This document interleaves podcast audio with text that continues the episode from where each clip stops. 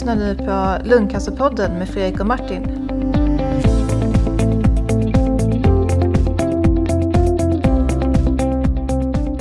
Hej och välkomna till Lungcancerpodden. Ja, ny vecka och ny lungcancerpodd. Ehm, ja, med mig här har jag självklart Mar- Doktor Martin. Tjena Martin! Halloj Fredrik. Hur är läget? Tja, sådär ska jag väl säga. Eh, Jag hade faktiskt tänkt föreslå att vi skulle liksom eh, ha, lämna sjukledigt den här veckan.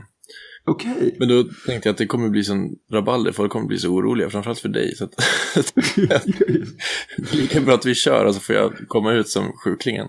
ja, okej, okej. Ja, vad bra. Men det, för mig är det ju så här att alltid när jag blir sjuk, eh, nu för tiden eller liksom de senaste tre åren då, eller sen jag fick min diagnos, eh, så tänker man ju liksom att eller, man får någon åkomma, liksom ont i knät eller jag hade liksom, jag hade en, en eh, ont i axeln för några år sedan och så bara, ja vad fanken är det där? Allt blir ju liksom cancer. Det är som det liksom rinner ner till att ja, men det, här, det, det är säkert liksom cancer som har spridit sig dit eller liksom sådär. Varför är det så? Varför, liksom, varför tänker man alltid worst case hela tiden? Nej men så är det väl, alltså, jag, menar, det tror jag alla känner igen sig i någonstans. Att man tänker ju alltid det värsta. Det, det, det är väl, alla går väl omkring och är oroliga för att få cancer. Och jag kommer ihåg som barn så pratade man om liksom cancer och aids. Det var, ja, det var man alltid rädd för. Vad, vad man än gjorde i princip, så herregud nu har jag cancer och aids.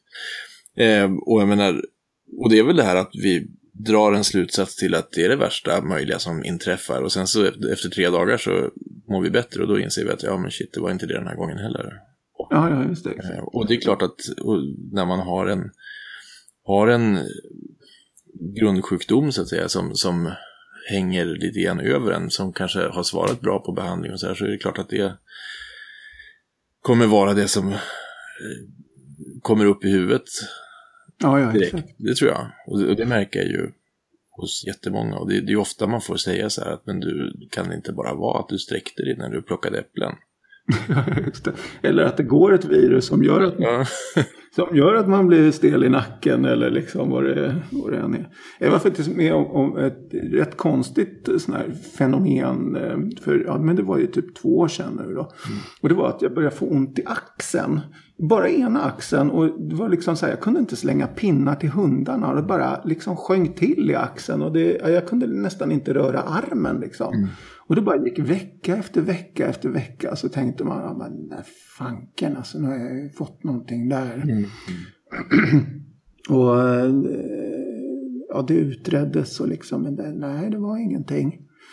Eh, och då, men då visade det sig att eh, min farsa i min ålder, då hade han någonting som heter frozen shoulder. Mm. Och sen har jag mina två bröder och båda de har nyligen eh, haft också frozen shoulder. Okej. Eh, så det här är liksom något, något, någon, någon liksom eh, skum sjukdom som är, eh, liksom, verkar gå i släkten eller någonting. Och det, det gör alltså att man får jäkligt ont i axeln och jag inte kan liksom använda då hela armen på ett halvår eller sådär tills det liksom läker ut av sig själv. Och det går inte att göra något åt. Ja, nej men jag kan tänka mig vad, det var inte frozen shoulder som dök upp i huvudet. Nej, verkligen inte. Och det var ju inte för läkarna heller för den delen. Så att, eh, men de kunde ju snabbt konstatera att det, det där är ingenting. Liksom.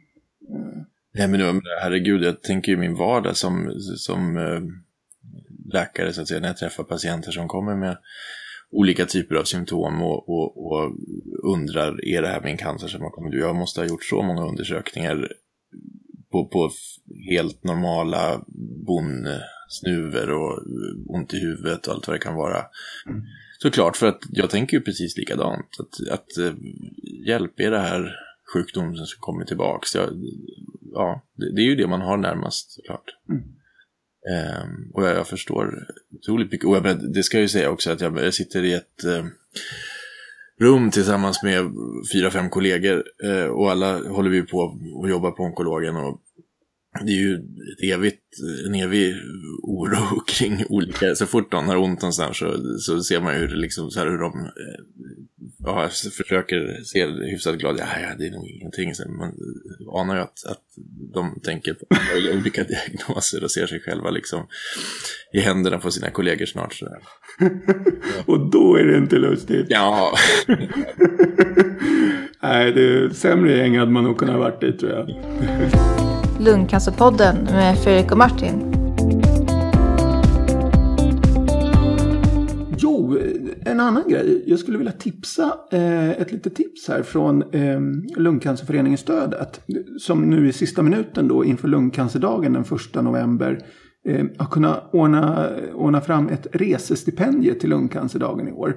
Som gör att man får, att man får en viss ekonomisk ersättning mot uppvisandet av kvitton efter lungcancerdagen. Ehm, så alltså, man får ett bidrag till att kunna resa och delta på lungcancerdagen. Och det här ansöker man om eh, genom att mejla kanslietstödet.se eller stodet.se ehm, och tala om hur man tänker resa och namn och postadress. Och så får man besked om man får det här stipendiet eller inte. Då kan man alltså ja, få betalt för att komma på lungcancerdagen. Och det är för att eh, ehm, ja, Sverige är ett, ett långt avlångt land får man säga. Eh, och eh, Lungcancerföreningen där skulle helt enkelt vilja att, att fler utifrån också får möjlighet att delta mm. den första november. Ja, vad kul. Ja, det är verkligen tipptopp roligt. Ja. Jätteroligt. Verkligen. Ehm, och passa på att komma till Stockholm och, och göra något lattjo i samband med lungcancerdagen också. Mm, verkligen. Just det, sen hade jag ett tips till och det var den här. Vi har eh, nämligen fått, eller satt ihop en liten affisch eh, eh, om Lungcancerpodden. Och den där finns på eh, lungcancerpodden.se på det här avsnittet då, som länk. Eh, som man kan eh, ladda ner och skriva ut hemma. Och så kan man planscha upp den där på sin eh, eh lung, eh, lunga, lungavdelning eller lungmottagning där man går. Om man skulle vilja eh, tipsa andra om Lungcancerpodden. Så Ja, vi har ju fått lite konkurrens i eten kan man säga. Sen, sen vi började så har det dykt upp lite cancerpoddar eh, av olika slag, vilket ju är superhäftigt. Verkligen, eh, verkligen. Och vi har sett att, att eh, ja, det, det, finns ett jätteintresse och det är ju ett himla roligt medium, just det där att man kan göra så mycket alldeles själv med en liten dator och en billig mikrofon. Som tyvärr mm. kanske straffar sig ibland för att det har varit lite knackig kvalitet ibland i vissa, vissa av våra avsnitt. Ehm, men, men jag håller med, det är väl jätteroligt om det kan sprida sig och, och de här sakerna som vi pratar om kan, kan komma ut till fler personer. Verkligen, verkligen. Vi har inte gjort någon reklam egentligen ens i nuläget utan det har ju bara varit så här mun till mun metod. Och det är jättekul att så många lys lyssnar. Det är verkligen eh, det, det, vi är många, många hundra nu som, som uh, lyssnar på Lungcancerpodden varje vecka. Och mm. försöker liksom, vi försöker verkligen få ut uh, den information som vi tycker är relevant och som, som, som folk kan få nytta av. Mm. Kom gärna med förslag kan man väl säga. För att där kan man väl, vi, vi har ju flera uppslag och jobbar på att få spännande gäster och sådär. Men det är jättekul att få idéer och tankar utifrån de som sitter och lyssnar och tänker att det där har de verkligen missat. Vi har försökt att leverera lite sådana här önskeprogram. Mm. Och det gör vi gärna mera. Ja, verkligen, och det finns ett kontaktformulär på lungcancerpodden.se. Man kan bara surfa in där helt enkelt. Ehm, och sen så, så äh, finns det en liten en, en, en länk där. Har du förslag eller idéer, tveka inte att kontakta oss. Och så kan man dra iväg den där idén. Ju sagt någonstans att vi skulle fira avsnitt 10 000 eller vad om 30 år. Och vi har väl kanske ungefär 732 uppslag just nu sådär. Eh, men det behövs ju några till då. Verkligen, verkligen. Så det kan bli bra. Det, är bra. Vi, alla förslag mottags med stor tacksamhet. Och vi ska försöka leva upp till den. Det, det, finns så många ämnen att prata om. Och vi har ju någon där, eh, ett par på, på kö här. Men, men, men att man kanske skulle prata om, eh, jag vet att det, det funnits intresse för att prata om eh, eh, alltså, so, socialförsäkringen, alltså försäkringen, prata med någon från, social, från Försäkringskassan. Mm. Och liksom om, om sjukskrivning och de här grejerna, vad man kan få för, för hjälp helt enkelt. Mm. Det är många som berörs av det. Och sen även prata med kanske jag vet, de som tar in nya mediciner eller sponsrar nya mediciner, TLV och hur de letar nya mediciner och hur det funkar och kostnaden för mediciner överhuvudtaget. Det blir lite mer tekniska program. Mm. Sen även liksom prata jämlik vård och ja, jag skulle gärna köra ett avsnitt igen där hur man duckar influensan nu när det börjar närma sig igen. Ja, du börjar sprita lite extra intensivt nu. Ja, verkligen, verkligen. jag vet inte om det är den jag har råkat på, alltså, för jag ser ont i hela kroppen.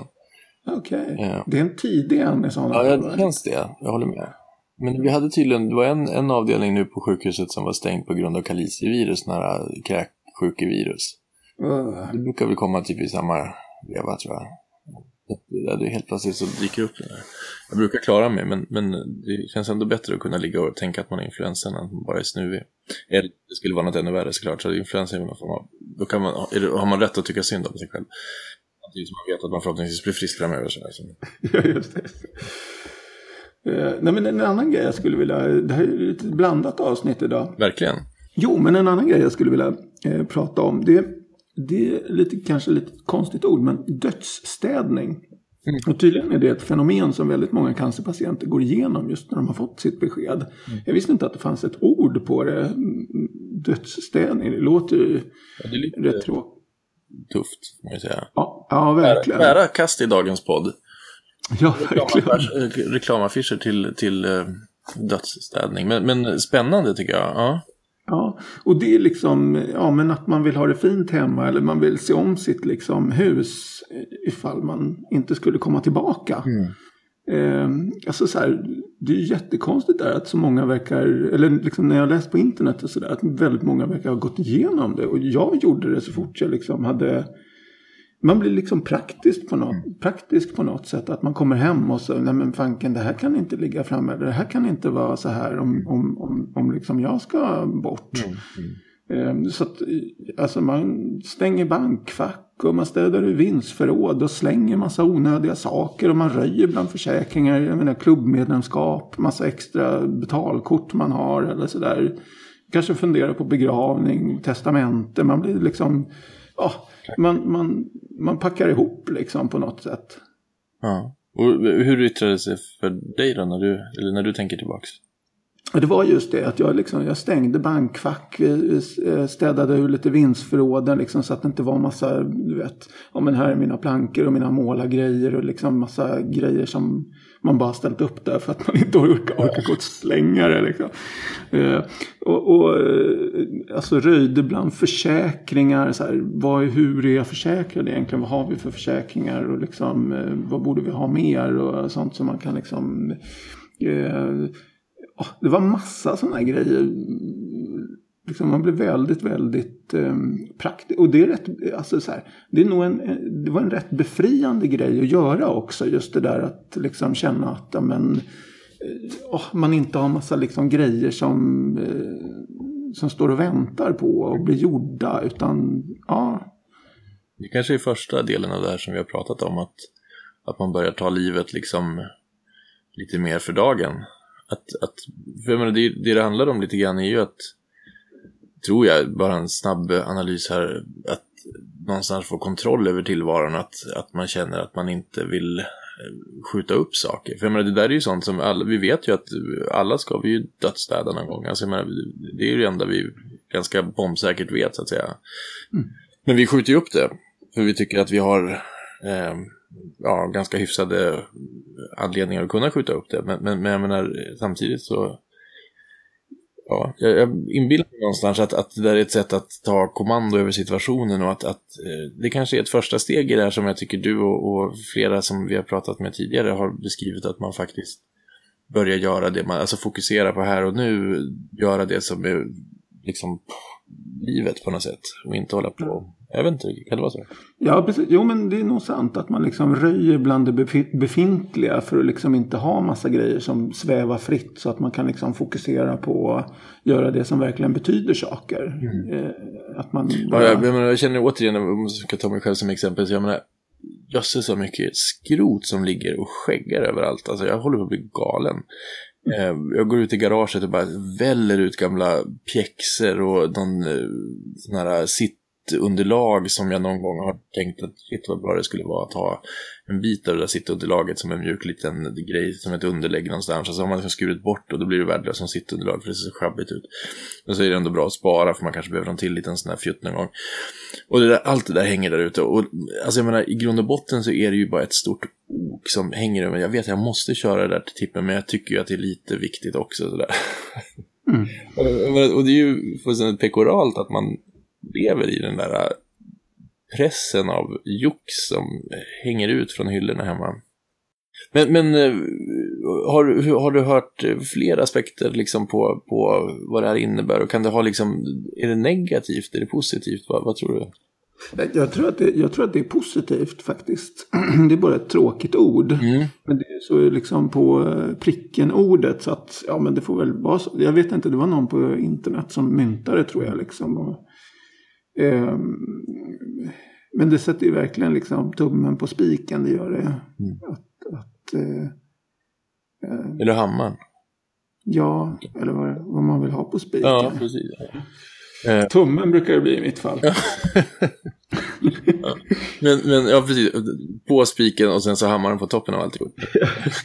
I den ordningen ja. Men, men eh, ja, nej men återigen, alltså, allt det här är ju så, det här är ju någonstans, det måste vi ju göra fler avsnitt om just det här eh, hur vi handskas med den här, eh, ja, jag, jag, någonstans kan jag känna så här, och det är ju det jag beskriver från vårt läkarrum också där, att liksom, men vi sitter ju alla på den här ångesten inför vad, vad, ja, hur det ska gå med livet. Liksom. Mm.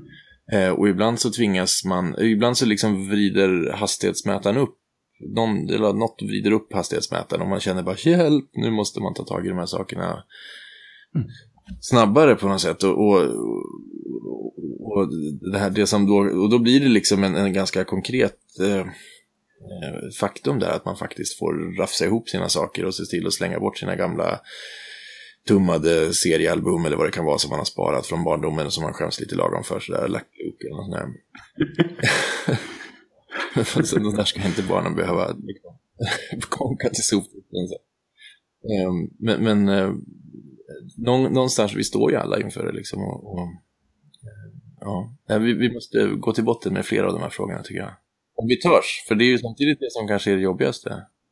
Ja, jag vet inte om det är så. Jag, alltså, jag tror, jag tror eh, för mig var det i alla fall så att när, när liksom, cancerbeskedet var det värsta som kunde hända mig. Eh, Eh, och sen, jag menar allt som har hänt därefter har ju liksom bara varit eh, egentligen positiva grejer. Det, mm. Eller på något konstigt sätt. Det är ju liksom, eh, ja, man, man, den här, all rädsla som man har innan den mm. försvann där vid, när man hade fått diagnosen. Jag menar, sen, ja, sen, sen tuffar det ju på på något konstigt sätt. Det, ja, det är ju otroligt häftigt att höra.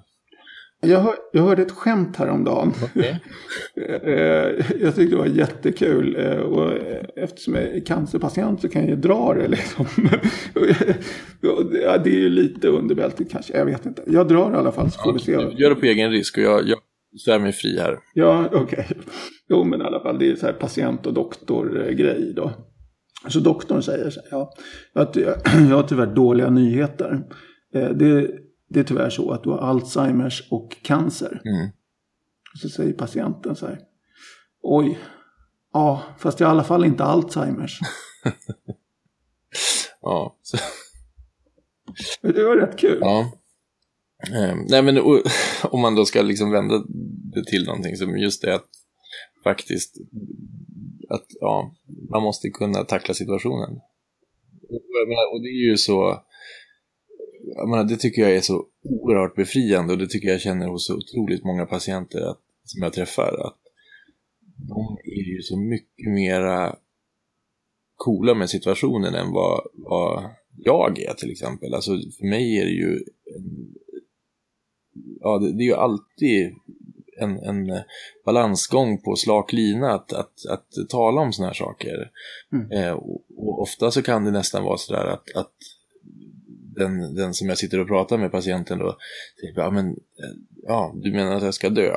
Bara, ja, kanske inte riktigt så jag skulle uttrycka det, men, men ja, nej, men, men det avdramatiseras och det, det och då inser man att okej, okay, men man har tänkt så mycket längre än vad jag som doktor ens vågar tänka att man har vågat tänka. Mm. Förstår du vad jag menar? Det, det är mm. fantastiskt och, och, det finns så mycket klokskap och så mycket saker som jag lär mig av, av de patienter jag träffar. Och det är det som gör att det är så fantastiskt att jobba med, med, med det, det jag gör. Alltså det, det är, en, det är, det är liksom livet som, som eh, drabbar en och som, som eh, man får möjlighet att gå igenom någon form av tumlar, vad ska man säga, det är som att kastas in i en torktumlare av olika känslor och man bara slängs runt i det. Och, och det är plågsamt och fascinerande och, och eh, otroligt. Och, och, jag är så imponerad över, över hur många kan ta det. Sen så finns det ju alla som har tunga stunder och det, det, det ingår ju. Och det ingår ju alltid i livet att, att, att man kraschar ibland. Jo, men jag, och jag tror att den där initiala resan som jag tror de flesta lungcancerpatienter gör, att man, man får den här chockdiagnosen eller liksom en, en diagnos är alltid en chock på något sätt. Ja, och, och sen liksom, ja, där så hinner man tänka alla de här tankarna och liksom fundera över eh, liksom livets eh, start och stopp på något sätt flera gånger och på massa olika sätt. Och sen så då blir inte det så märkvärdigt att prata om sen utan det bara, ja, det är ju så liksom. Nej men återigen, alltså jag är så otroligt eh, ödmjuk inför eh, den styrka som, som, som jag upplever finns hos så otroligt stor andel av de som har fått en, en svår diagnos. Där. Sen så är det naturligtvis så, det, det, är ju liksom, det ska man ju inte värdera i sig. Alltså, jag har full förståelse för de som inte orkar bära det också. Um, för det, är ju de, det, det finns ju de som mm. inte mäktar med det. det. det. ska man ju inte sticka under stol med. Och, um, ja, nej, så är, så är det. Absolut. Och det, det är liksom egentligen, kan jag tycka, det, det som kanske är mest naturligt, höll jag på att säga, att, att lägga sig på en säng och, och, bara tänka att nu skiter jag i det här, för det blir jättejobbigt. Mm. Men eh, så är det ju, det är ju ett, väldigt få som, som går den vägen. De flesta hittar den här styrkan och orkar kämpa och kommer otroligt långt, tycker jag, i den här kampen. Och, ja, det är otroligt imponerande att se. Det är så himla viktigt, och det stärker hela omgivningen tror jag också. Oh, ja. Du, superroligt eh, avsnitt idag. Vad, varierat det blev. Ja, otroligt. Det var verkligen liksom high and lows, kan man säga det? Eh, ja, det får man från, säga. Från eh, skämt, glättiga skämt till, eh, ja, verkligen det mest eh, tunga som man kan komma i kontakt med i, i, i livet. Och, och Ja, just och glöm nu inte alla att det här eh, Lungcancerföreningens stödet har alltså den här resestipendiet. Och det, det kan alla medlemmar eh, söka då. Mm. Eh, det var jättekul att träffa en eh, norrlänning eller skåning eller västgöte mm. eller någonting på, på lungcancerdagen. Vi kommer ju vara där. Vi vill träffa en stockholmare också, men de träffar man ganska ofta ändå. Ja, ja, just det. De där. Det finns ju liksom hur många som Ja, kul. Nej, men du, tack för idag. Kul att snacka. Mm, tack, tack. Hej. Ja, hej då. Tack för att du lyssnade på Lungcancerpodden med Fredrik och Martin. De senaste avsnitten hittar du alltid på lungcancerpodden.se eller i din podcastapp.